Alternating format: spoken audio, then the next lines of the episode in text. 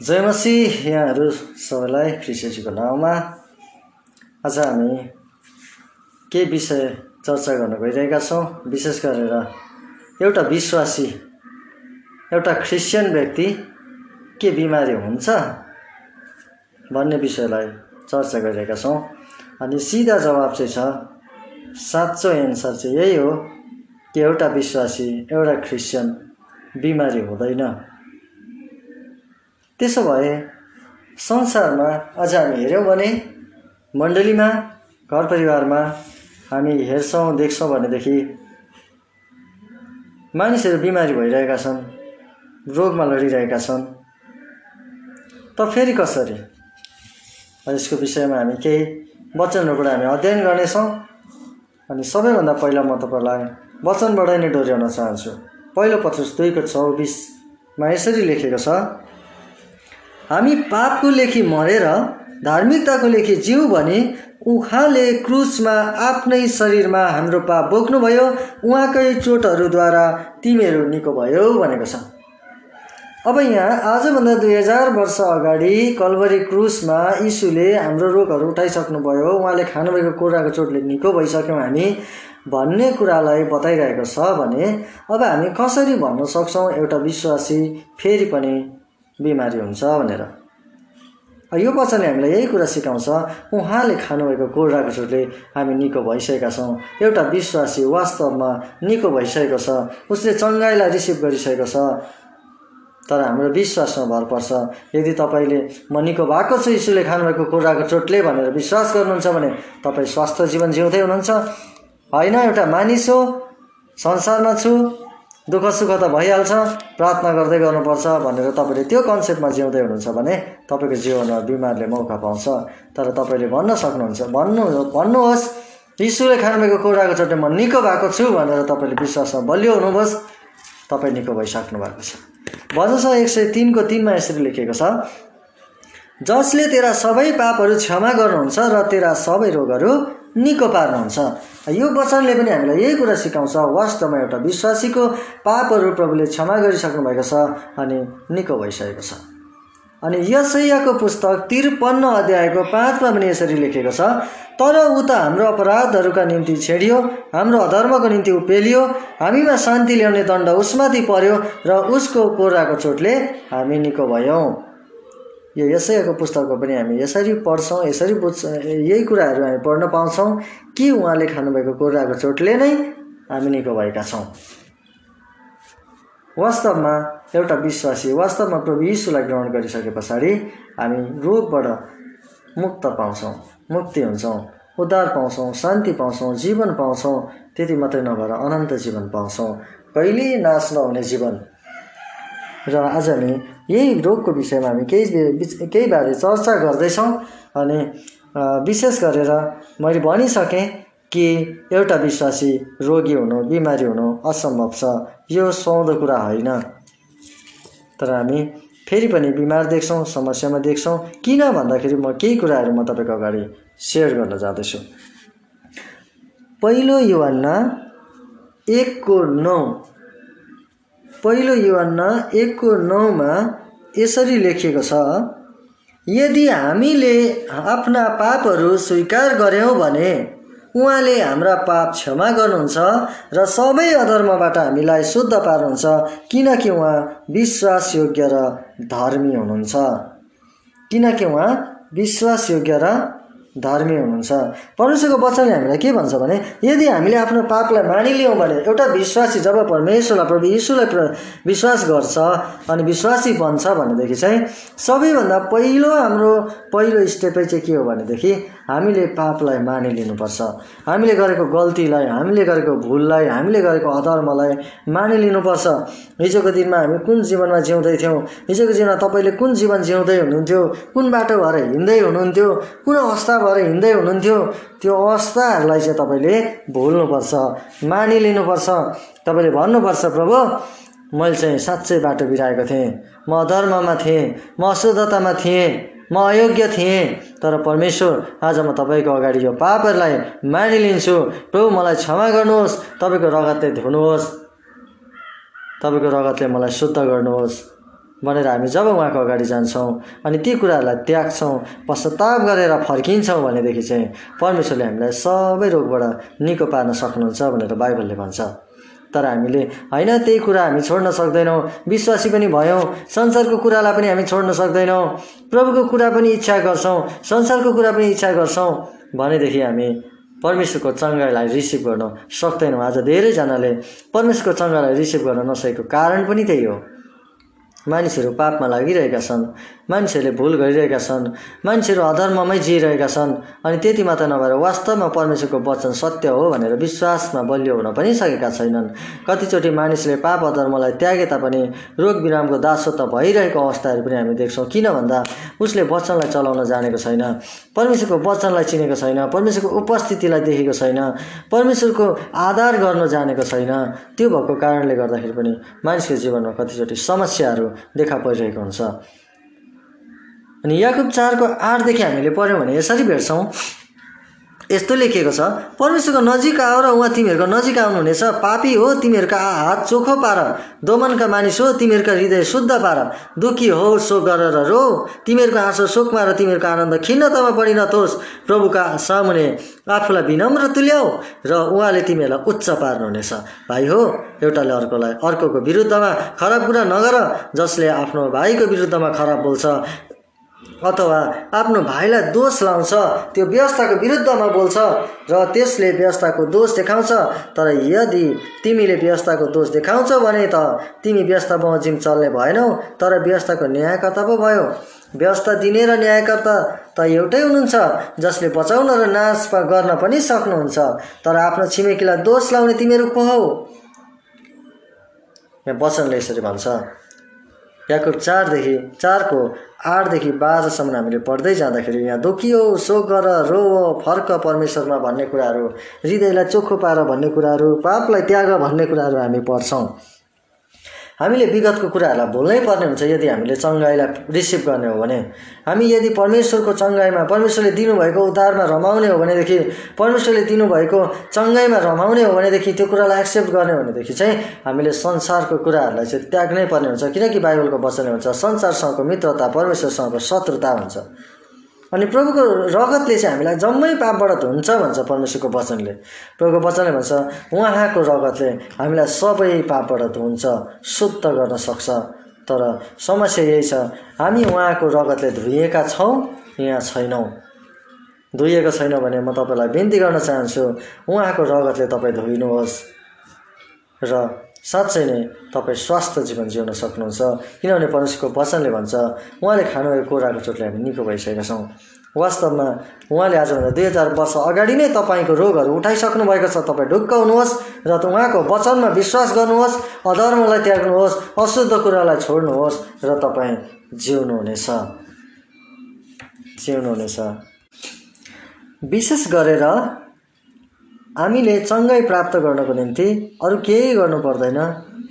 विश्वास र विगतका कुरालाई हामीले त्यागेर परमेश्वरमा असल जीवन परमेश्वरको वचन आज्ञा पालन जब हामी गर्न थाल्छौँ भने हाम्रो जीवनमा शैतानले छुनु सक्दैन शैतानले हात लाउन सक्दैन। किनकि परमप्रभु परमेश्वर हाम्रो चट्टान हुनुहुन्छ हाम्रो डाल हाम्रो पर्खाल हाम्रो सामर्थ हाम्रो सबै कुरा परमेश्वर नै हुनुहुन्छ। अनि प्रभुको वचनले हामीलाई निको भएको छौ भनेर भन्छ भनेदेखि चाहिँ हामीले त्यही कुरालाई नै विश्वास गर्नुपर्छ। मान्छेले के भन्छ फल्नाले के भन्छ त्यो कुरालाई हामीले बिलिभ गर्नु हुँदैन। कतिचोटि हामी परमेश्वरको वचनलाई नबुझेको कारणले गर्दाखेरि हामीले रोग बिरामलाई सहिरहेका हुन्छौँ। एकचोटि म पनि बिमारमा भइरहेको बेलामा समस्यामा परिरहेको बेलामा अचानक मैले एउटा वचनलाई पाएँ। प्रार्थना गरेँ प्रार्थना गरेपछि केही समयपछि एउटा वचन पाएँ। हिब्रू बाह्रको छलाई मैले पाएँ त्यतिखेर। अनि जब मैले हिब्रू बाह्रको छलाई पढ्न थालेँ त्यहाँ यसरी लेखेको रहेछ किनभने जसलाई परमप्रभुले प्रेम गर्नुहुन्छ त्यसलाई ताडना दिनुहुन्छ र आफूले ग्रहण गर्नुभएको हरेक छोरालाई उहाँले दण्ड दिनुहुन्छ भनेर लेखेको रहेछ। अब यो वचन पढिसकेपछि म बिमारमा भइरहेको अवस्थामा भए तापनि मैले सोचेँ साँच्चै परमेश्वरकै इच्छा रहेछ। प्रभुकै इच्छा भएर म बिमारी भएको रहेछु ठिकै छ भनेर मैले फेरि त्यो बिमारलाई मैले एक्सेप्ट गरेँ ग्रहण गरेँ त्यो बिमारलाई। अनि म ढुक्क भएँ प्रभुको इच्छा रहेछ यस्तो पनि हुँदो रहेछ। विश्वासी भएपछि भनेर मैले विश्वास गरेँ। तर यो परमेश्वरको वचनलाई चाहिँ हामीले बुझ्नु जरुरी छ। पवित्र आत्माको उपस्थितिमा परमेश्वरको उपस्थितिमा जब हामी भित्रिन्छौँ जब हामी परमेश्वरसँग सिक्न थाल्छौँ यो न चौधको छब्बिसले भनेअनुसार पवित्र आत्माले नै हामीलाई सिकाउनुहुन्छ। जब मलाई यो पवित्र आत्माले सिकाउनु भयो वास्तवमा वचन चाहिँ यस्तो हो भनेर जब सिकाउनु भयो याकुबको पुस्तकमा जब हामी एक अध्यायको तेह्र चौध पन्ध्रमा जब हेर्छौँ पढ्छौँ त्यहाँ यसरी लेखेको छ परीक्षा हुँदा कसैले पनि यसो नभनोस् परमेश्वरद्वारा मेरो परीक्षा भएको हो। किनकि कुनै खराब कुराबाट परमेश्वरको परीक्षा हुन सक्दैन र उहाँ आफैले पनि कुनै मानिसको परीक्षा गर्नुहुन्न तर हरेक मानिस आफ्नै खराब इच्छाद्वारा लोभिएर परीक्षामा पर्दछ। तब खराब इच्छाले गर्भधारण गरेपछि त्यसले पाप जन्माउँछ अनि पाप पुरै बढेपछि त्यसले मृत्यु ल्याउँछ। यहाँ चाहिँ यसरी भनेको छ पाप चाहिँ पुरै बढेपछि चाहिँ त्यसले मृत्यु ल्याउँछ। अनि खराब इच्छाले गर्दाखेरि हाम्रै खराब इच्छाले गर्दा हाम्रै सोचले गर्दा हाम्रै विचारले गर्दा वास्तवमा हाम्रो जीवनमा परीक्षा आइरहेको हुन्छ। रोगमा परिरहेका हुन्छौँ समस्यामा परिरहेका हुन्छौँ तर यो परमेश्वरले हामीलाई माया गरेर रोग दिएको होइन। तपाईँ आफै सोच्नुहोस् तपाईँको एकजना छोरा छ। अनि तपाईँको छोराले चाहिँ तपाईँको छोराको जीवनमा चाहिँ तपाईँले एउटा लक्ष्य राख्नुभएको छ। मेरो छोरालाई चाहिँ एउटा असल शिक्षक बनाउँछु एउटा टिचर बनाउँछु भनेर तपाईँले लक्ष्य राख्नुभएको छ। अनि तपाईँको छोराले चाहिँ राम्रो पढिरहेको छ लेखिरहेको छ जे जे भन्यो त्यही त्यही मानिरहेको छ एउटा असल जीवन जिइरहेको छ। असल तरिकाले जे जे पढाएको सिकाएको कुराहरू बुझिरहेको छ सिकिरहेको छ मानिरहेको छ जानिरहेको छ भने के तपाईँ मैले त मैले तँलाई धेरै माया गरेको छु। मैले तँलाई कुट्नै पर्छ भनेर कुट्नुहुन्छ। तैँले मलाई तँलाई मैले प्रेम गरेको कारण म तँलाई कुट्छु कुट्छु आज चाहिँ भनेर तपाईँले कहिले कुट्नुहुन्छ आफ्नो छोराछोरीलाई? कुट्नुहुन्न। त्यस्तै नै। त तर जब तपाईँले कुट्नुपर्ने अवस्था चाहिँ त्यतिखेर आउँछ जब तपाईँको छोराले तपाईँले भनेको कुरा मान्दैन तपाईँको छोरीले भनेको कुरा मान्दैन समस्या उत्पन्न गर्छन्। एकातिर पठायो अर्कोतिर जान्छन् स्कुल पठाएर सिगरेट तान्न जान्छन्। साथीभाइहरूसँग लागेर हिँड्छ गाजा खान्छ जाँडक्सी खान्छ भने तपाईँले सोचेको जस्तो बन्दैन तपाईँको छोरा भने त्यस पछाडि चाहिँ तपाईँले तपाईँको छोरालाई गाली गर्ने पिट्ने गर्न सक्नुहुन्छ। तर यो तपाईँको इच्छा होइन। यो तपाईँले गरेको पनि होइन। यो चाहिँ उसले आफै कमाएको फल हो। त्यस्तै नै यो परमेश्वरले चाहिँ माया गर्नेलाई दण्ड दिनुहुन्छ भनेको चाहिँ साँच्चै नै उहाँले माया गरेको कारण हामीलाई दण्ड दिनुभएको होइन। तर हामीले जुन इच्छा परमेश्वरको छ हाम्रो जीवनमा जुन लक्ष्य जुन योजना जुन कलवरी क्रुस उहाँले पापलाई उठाउँदै गर्नु हुँदाखेरि चाहिँ सारा मानिसको पापलाई बोक्नु सजिलो थिएन। त्यो क्रुसको पीडा चाहिँ दर्दनाक थियो अनि त्यो दर्दनाक पीडा उठाउनु भएको चाहिँ केटाकेटीले भाँडाकुटी खेलेको जस्तो केटाकेटीले गुच्चा खेलेको जस्तो होइन त्यो चाहिँ। त्यहाँ चाहिँ धेरै कष्ट थियो। धेरै उहाँले कष्ट भोग्नुभयो। अनि त्यो कष्ट भोग्नुभएको कारण चाहिँ आज हामीलाई लथालिङ्ग बनाउनलाई होइन। आज तपाईँको जिन्दगी भत्ताभुङ्ग बनाउनलाई उहाँले कष्ट भोग्नु भएको होइन।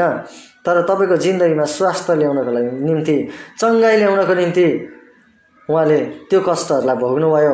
कोर्राको चोट खानुभएकोले चाहिँ हामी निको भयौँ भनेको छ। उहाँले कोर्राको चोट खाएको चाहिँ खेलाची गरेर खानुभएको होइन। जिस्केर खानुभएको होइन। टाइम पास गर्नलाई खानुभएको होइन। त्यसमा चाहिँ केही न केही रहस्य छ। अनि त्यो रहस्यलाई तपाईँले र मैले बुझ्न जरुरी छ। यदि बुझेनौँ भने चाहिँ सैतानले हाम्रो जीवनमा मौका पाउँछ। जब तपाईँले बुझ्नुहुन्न परमेश्वरको वचनलाई जब परमेश्वरको आज्ञालाई पालना गर्नुहुन्न जब परमेश्वरको आधार गर्नुहुन्न भने चाहिँ सैतानले तपाईँको जीवनमा मौका पाउँछ। अशुद्ध कुराले तपाईँको जीवनलाई अशुद्ध पार्छ अनि सैतानले रोग र बिमारी लिएर आउँछ अनि तपाईँले दण्ड पाउनुहुन्छ। तपाईँको जीवन कष्टमा भएर जान्छ दुःखमा भएर जान्छ अनि नचाहि नचाहि परमेश्वरले चाहेर होइन नचाहेर तपाईँको जीवनमाथि दुःखलाई परमेश्वरले हेर्नु परिरहेको हुन्छ। तर यो परमेश्वरको इच्छा होइन। हामीले यसरी जिउनु हुँदैन। तर परमेश्वरको इच्छा चाहिँ यही हो कि हरेक मानिसले उद्धार पाओस् हरेक मान्छे मानिसले शान्ति पाओस् हरेक मानिसले जीवन पाओस् हरेक मानिसले चङ्गाइ पाओस्। यसैको निम्ति नै परमेश्वर प्रभु यीशु मसी चाहिँ स्वयं मानिसको रूप धारण गरिकन बलिको थुमा भइकन स्वर्गलाई छोडेर स्वर्गको वैभवलाई त्यागेर यस संसारमा एउटा मानिसको रूप धारण गरिकन यस संसारमा आउनुभयो। र हामीले हाम्रो निम्ति चाहिँ उहाँले कष्ट भोग्नुभयो। अब यो कुरालाई यदि हामी विश्वास गर्छौँ हामी असल बाटोलाई चुन्छौँ पुरानो अधर्मलाई त्याग्छौँ भने चाहिँ साँच्चै नै हामीले जीवन पाएका छौँ अनि चङ्गाइलाई पनि पाएका छौँ। र परमेश्वरको वचनलाई हामीले खेला चाहिँ सम्झिनु हुँदैन विगतको कुराहरूलाई हामीले लिएर हिँड्नु हुँदैन। हामी एउटा विश्वासी भइसकेपछि हामी परमेश्वरको जन भइसकिसके पछाडि हामीले परमेश्वरको वचनको पालना गर्नु जरुरी छ। किनभने बाइबलले भन्छ तिमी सुन्ने मात्रै नहो। सुन्ने मात्रै भएर आफूलाई धोका नदेऊ तर सुनेर वचन पालना गर्ने पनि हौ भनेर भन्छ।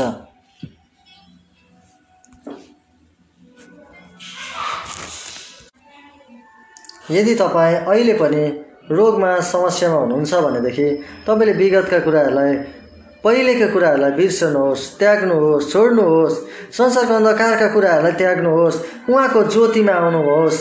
त्यस पछाडि मात्रै तपाईँले त्यो चङ्गाइलाई साँच्चै रिसिभ गर्न सक्नुहुन्छ। किनभने पहिलो पचास दुईको नौले यसरी भन्छ। पहिलो पचास दुईको नौमा यसरी लेखिएको छ। तर तिमीहरू त चुनिएका वंश राजकीय पुजारीगिरी पवित्र जाति परमेश्वरका निजी प्रजा हो। उहाँले तिमीहरूलाई अन्धकारदेखि उहाँका उदेकको ज्योतिमा ल्याउनु भयो ताकि तिमीहरू उहाँका आश्चर्यपूर्ण कार्यहरूको घोषणा गर्न सक। यहाँ चाहिँ हामीहरूलाई के भनेको छ भने तिमीहरू पवित्र जाति हो चुनिएका वंश हो अनि अन्धकारदेखि उदयको ज्योतिमा तिमीहरू तिमीलाई ल्याउनु भएको छ। अब अन्धकारदेखि उदयको ज्योतिमा तिमीहरूलाई ल्याउनु भएको छ भनेर भन्नुभएको छ भने हामी अँध्यारोमा छैनौँ हामी रोगमा छैनौँ हामी बिमारीमा छैनौँ तर हामी रोगमा थियौँ हामी अँध्यारोमा थियौँ। हामीलाई त्यो जग्गाबाट चाहिँ परमेश्वरले उज्यालोमा ल्याइसक्नु भएको छ। अब उज्यालोमा ल्याइसक्नु भएको छ भने हामी उज्यालोमा भएको जस्तै भएर हिँड्नु पर्यो। हामीले रोगलाई टेकेर जिउन सक्नु पर्यो खुट्टा मुनि किल्चेर जिउन सक्नु पर्यो अन्धकारको शक्तिलाई टेकेर जिउन सक्नु पर्यो त्यो चाहिँ कसरी हाम्रो विश्वासले?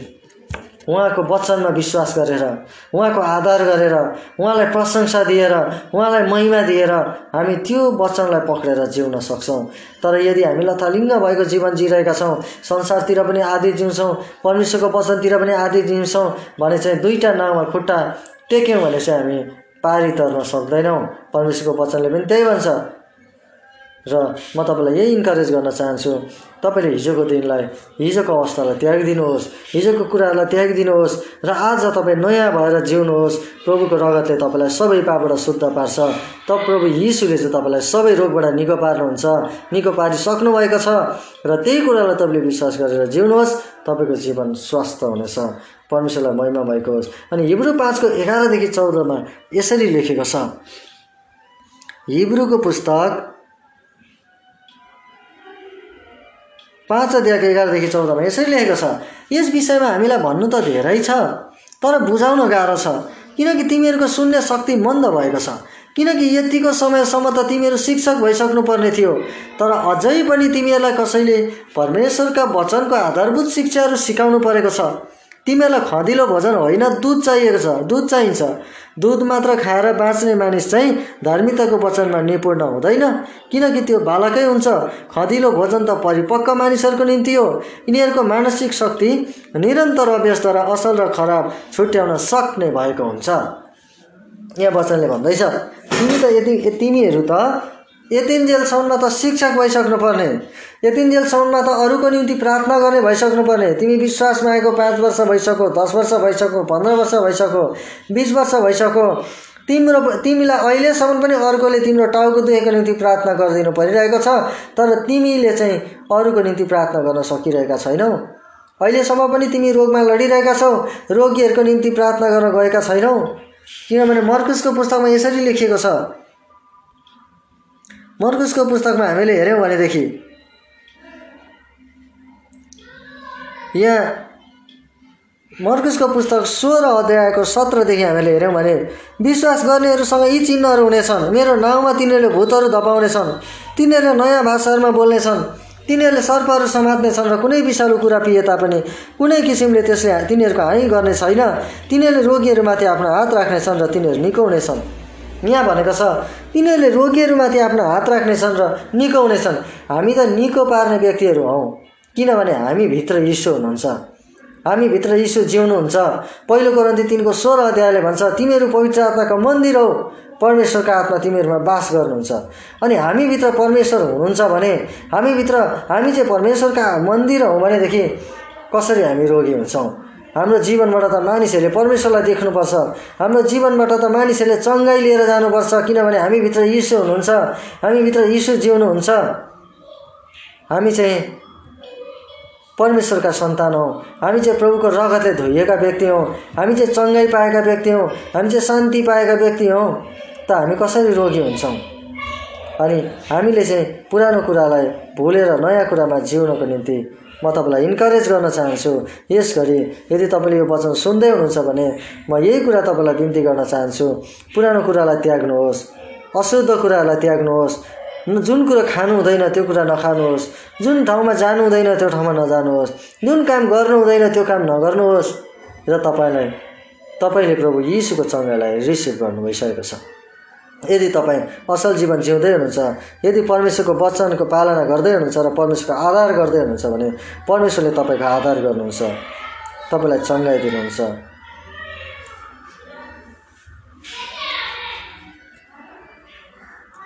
किनभने परमेश्वरले चाहिँ हामीलाई निको पार्न चाहनुहुन्छ।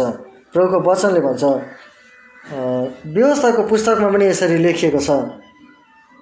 व्यवस्थाको पुस्तक तिस अध्यायको उन्नाइसदेखि हामीले हेऱ्यौँ भने आज म स्वर्ग र पृथ्वीलाई तिमीहरूका विरुद्धमा साक्षी राख्दछु कि मैले तिमीहरूका अघि जीवन र मृत्यु आशिष र श्राप राखेको छु।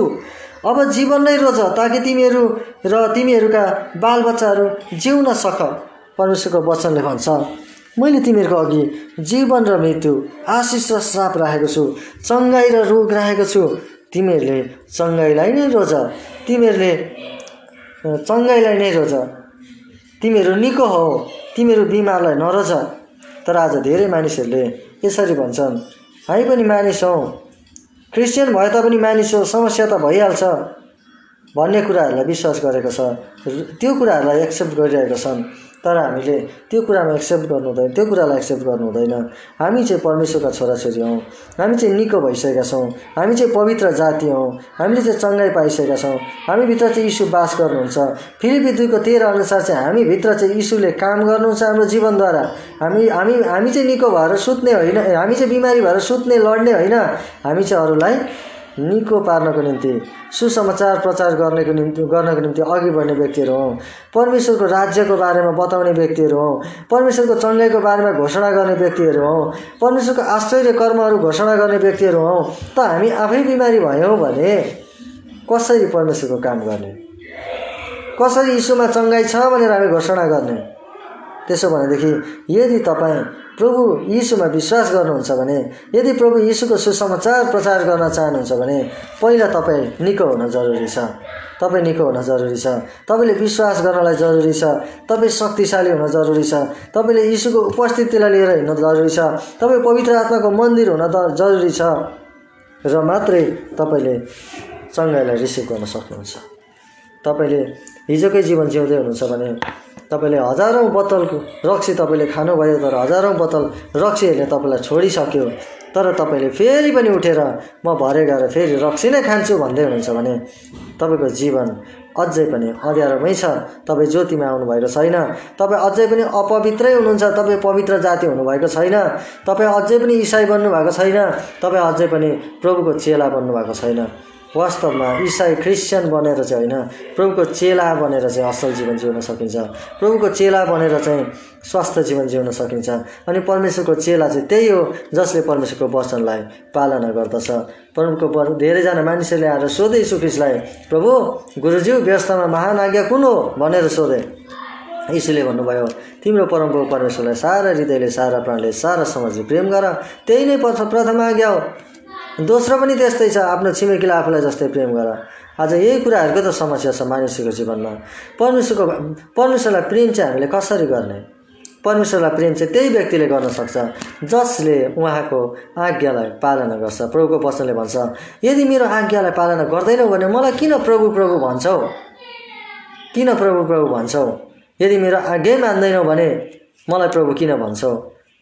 त्यही भएर यदि तपाईँ परमेश्वरको वचनलाई पालना गर्नुहुन्न भने आज्ञालाई पालना गर्नु भने तपाईँलाई प्रभु भन्ने अधिकार पनि छैन बाइबलमा। यदि हामीले परमेश्वरको बा परमेश्वरको नाम चाहिँ व्यर्थमा नल्याऊ भनेर बाइबलले हामीलाई सिकाउँछ। तपाईँले पहिल्यै गएर पहिलाको शिक्षामा तपाईँले हेर्नुभयो भने जब मोसाको समयमा जब दस आज्ञाहरू दियो त्यहाँनिर तपाईँले त्यो आज्ञामा गएर तपाईँले हेर्नुभयो भनेदेखि त्यहाँ पाउनुहुन्छ परमेश्वरको नाम व्यर्थमा नलिनु भनेको छ।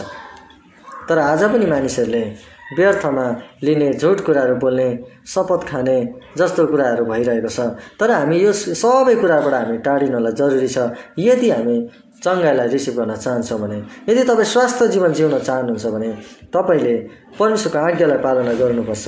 यदि परमेश्वरको आज्ञालाई पालना साँच्चै तपाईँ गर्दै हुनुहुन्छ अशुद्ध कुरालाई तपाईँले त्याग्नु भएको छ तपाईँले नराम्रो बोल्न छोड्नु भएको छ झुट बोल्न छोड्नु भएको छ नराम्रो कुरो खान छोड्नु भएको छ भने चाहिँ हन्ड्रेड पर्सेन्ट ग्यारेन्टी छ तपाईँ स्वास्थ्य हुनुहुन्छ।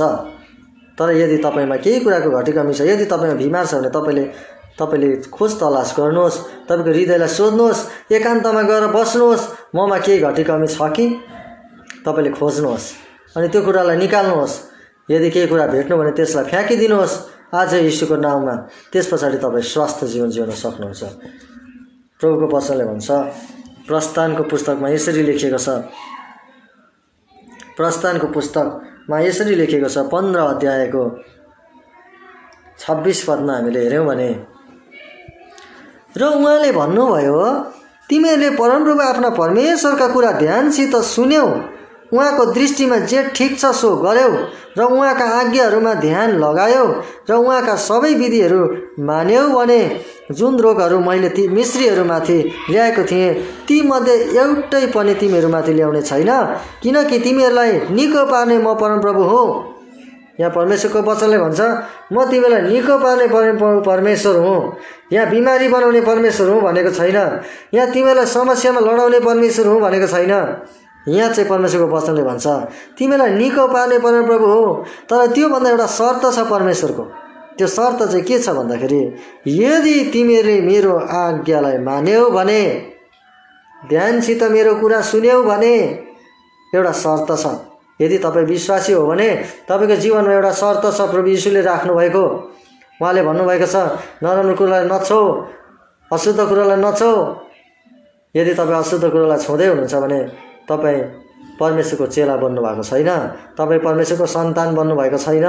यदि तपाईँ परमेश्वरको सन्तान बनिनु चाहनुहुन्छ भने यदि परमेश्वरको तपाईँ चेला बनिन चाहनुहुन्छ भने तपाईँ स्वास्थ्य जीवन जिउन चाहनुहुन्छ भने रोग बिरामको लाई किल्चिन चाहनुहुन्छ भने दुष्टमाथि अधिकार गर्न चाहनुहुन्छ दुष्टलाई किल्चेर जिउन चाहनुहुन्छ भने तपाईँले अशुद्ध कुरालाई त्याग्नुहोस्। जब तपाईँले अशुद्ध कुराले त्याग्नुहुन्छ तर तब तब तपाईँ स्वस्थ जीवन जिउन सक्नुहुन्छ। जब जब तपाईँ अशुद्ध कुरामा जानुहुन्छ तब तब तपाईँ रोग बिमार समस्यामा जानुहुन्छ। सैतान चाहिँ कहाँ भेटौँ र निलौँ भनेर ढुकिबसेको हुन्छ एउटा विश्वासीलाई गर्जने सिंह चाहिँ भनेर बाइबलले भन्छ। जब तपाईँ तपाईँले गलत काम गर्नुहुन्छ र उसले तपाईँलाई भेट्छ र तपाईँलाई चितोर्छ तपाईँलाई फाड्छ र तपाईँलाई मार्छ तर यदि तपाईँ परमेश्वरको वचनलाई बुझ्दै हुनुहुन्छ प्रभुको नजिक हुँदै हुनुहुन्छ प्रभुको उपस्थितिमा जिउँदै हुनुहुन्छ परमेश्वरको प्रेजेन्सलाई लिएर हिँड्दै हुनुहुन्छ भने चाहिँ सैतानले तपाईँलाई झुक्क्याउन सक्दैन सैतानले तपाईँलाई छक्क्याउन सक्दैन तपाईँ अल्झिनुहुन्न। कतिचोटि मानिस चाहिँ कहाँनिर अल्झिरहेको छ भनेदेखि कतिचोटि मानिसले वचनलाई बुझिरहेको हुँदैन। कतिचोटि विश्वासीहरू अल्झेको ठाउँहरू चाहिँ अल्झेको कुराहरू चाहिँ के हो भन्दाखेरि हामी युवनाको पुस्तक नौदेखि प नौको एक अध्यायदेखि पढ्दै गयौँ भने एक पददेखि पढ्दै गयौँ भने नौ अध्यायको एक पददेखि पढ्दै गयौँ भने त्यहाँबाट जाँदै गर्दा यसुले एकजना जन्मेको अन्धालाई देख्नुभयो। उहाँका चेलाहरूले उहाँलाई सोधे रबी कसले पाप गर्यो? यसले कि यसका आमा बुबाले? र यो अन्धा भयो अन्धा जन्म्यो। यसले जवाब दिनुभयो न त यसले पाप गर्यो न यसका आमा बुबाले तर यो यस हेतुले भयो कि परमेश्वरको काम यस मानिसको जीवनमा प्रकट होस् भनेर। हो समस्या चाहिँ यहाँनिर छ यो कुरालाई यो वचनलाई चाहिँ नबुझ्दामा समस्या छ। कतिचोटि चाहिँ विश्वासीहरूले यो वचनलाई के बुझिरहेको छ भने रोगी हुनु पनि परमेश्वरको इच्छा परमेश्वरको महिमाको लागि। रोगबाट पनि परमेश्वरकै महिमा हुन्छ। भन्ने कुराहरूलाई कतिचोटि हामीले विश्वास गरिरहेका हुन्छौँ। हो साँचो हो। कतिवटाको जीवनमा कति मानिसको जीवनमा कति परिवारको जीवनमा रोगबाट महिमा भएको छ परमेश्वरको। तपाईँ हामी पनि कतिवटा रोगहरूबाट भएर आयौँ। हामी एकैचोटि प्रभु यीशुलाई ग्रहण गर्ने विश्वास गर्ने जन्मैको प्रभु जन्मै प्रभु यीशुमा जन्मेकाहरू सबै हामी छैनौँ। राइट हो परमेश्वरको महिमा भएको छ। तर हामी विश्वासी भइसकेपछि हामीले यो विश्वासमा यो कन्सेप्टमा हामी जिउनु हुँदैन। हामी चाहिँ उद्धार पाएका मानिसहरू हौँ हामी निको भएका मानिसहरू हौँ हामीले जीवन पाएका मानिसहरू हौँ भन्ने नै विश्वास हाम्रो हुनुपर्छ। तर हाम्रो रोगले परमेश्वरलाई महिमा ल्याउँछ भने के? यो व्यक्ति अन्धो जन्मेको थियो भने हामी पनि त अन्धै जन्मिनु पर्थ्यो। कि हामी लङ्गडै भएर जन्मिनु पर्ने? हामी के अन्धै भएर जन्मिँदा मात्रै परमेश्वरको महिमा हुने? के अब हामी बिमारी भएका छैनौँ भनेदेखि अब हामीले जबरजस्ती आफूलाई बिमारी बनाउने परमेश्वरको महिमाको लागि? हामीले आज कसरी बाइबललाई पढ्दैछौँ? सबैभन्दा पहिला बाइबलको वचनलाई बुझ्नु जरुरी छ। परमेश्वरको उपस्थितिमा जानु जरुरी छ। पवित्र आत्माको अगुवाईलाई बुझ्नु जरुरी छ। तब मात्र हामी एउटा स्वस्थ जीवन जिउनलाई सक्छौँ। हो मानिसको बिमारबाट परमेश्वरको महिमा भएको छ। कतिजना रोग बिमारमा भएका मानिसहरू चङ्गाइ पाएका छन् त्यो घर परिवार बाँचेको छ त्यो गाउँ समाज बाँचेको छ यस्ता उदाहरण धेरै छन्। तर तपाईँ एउटा विश्वासमा आइसकेर बलियो भएको मानिस हो भने तपाईँले यो विश्वासमा होइन। तपाईँले चाहिँ अब तपाईँ बिमारी हुनुहुन्न तपाईँ चाहिँ रोगी हुनुहुन्न तपाईँ चाहिँ स्वस्थ हुनुहुन्छ तपाईँले चङ्गाइ पाइसक्नु भएको छ तपाईँले जीवन पाइसक्नु भएको छ तपाईँको शरीरका अङ्ग चाहिँ अब तपाईँका होइनन् त्यो चाहिँ यीशुको अङ्ग हो। एपिसी पाँचको तिसले हामीलाई त्यही सिकाउँछ हाम्रो शरीरको अङ्ग चाहिँ ख्रिसको हो भनेर सिकाउँछ। हामीले त्यो कुरालाई वचनलाई विश्वास गर्नु पऱ्यो यदि तपाईँको अङ्ग ख्रिसको हो भने ख्रिसको अङ्ग कसरी बिमारी हुन्छ?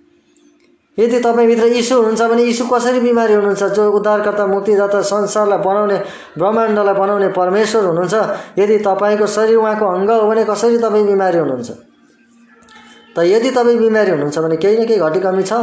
त्यो घटी कमीलाई खोज्नुहोस् पत्ता लगाउनुहोस् र त्यो घटी कमीबाट तपाईँ निस्किनुहोस् बाहिर। अनि फेरि प्रभुमा भन्नुहोस् म पश्चाताप गर्छु। अबदेखि म यो बाटोमा जिउने छैन। तपाईँले त्यागिदिनुहोस् त्यो कुराहरूलाई। त्यो अन्धकारको शक्तिहरूलाई त्यागिदिनुहोस्। अन्धकारको कुराहरूलाई त्यागिदिनुहोस्। तपाईँ ज्योतिमा आउनुहोस्। जब तपाईँ ज्योतिमा हिँड्नुहुन्छ बाइबलले भन्छ जो ज्योतिमा हिँड्छ त्यो अँध्यारोमा फेरि हिँड्ने छैन। तर त्यसले जीवनको ज्योति पाएको हुन्छ। जोसँग यीशु हुनुहुन्छ त्यो चाहिँ ज्योति त्योसँग चाहिँ ज्योति छ। अनि ज्योति बाइबलले भन्छ तिमीहरू चाहिँ जगतका ज्योति हो। तिमीहरू पृथ्वीका नुन हौ।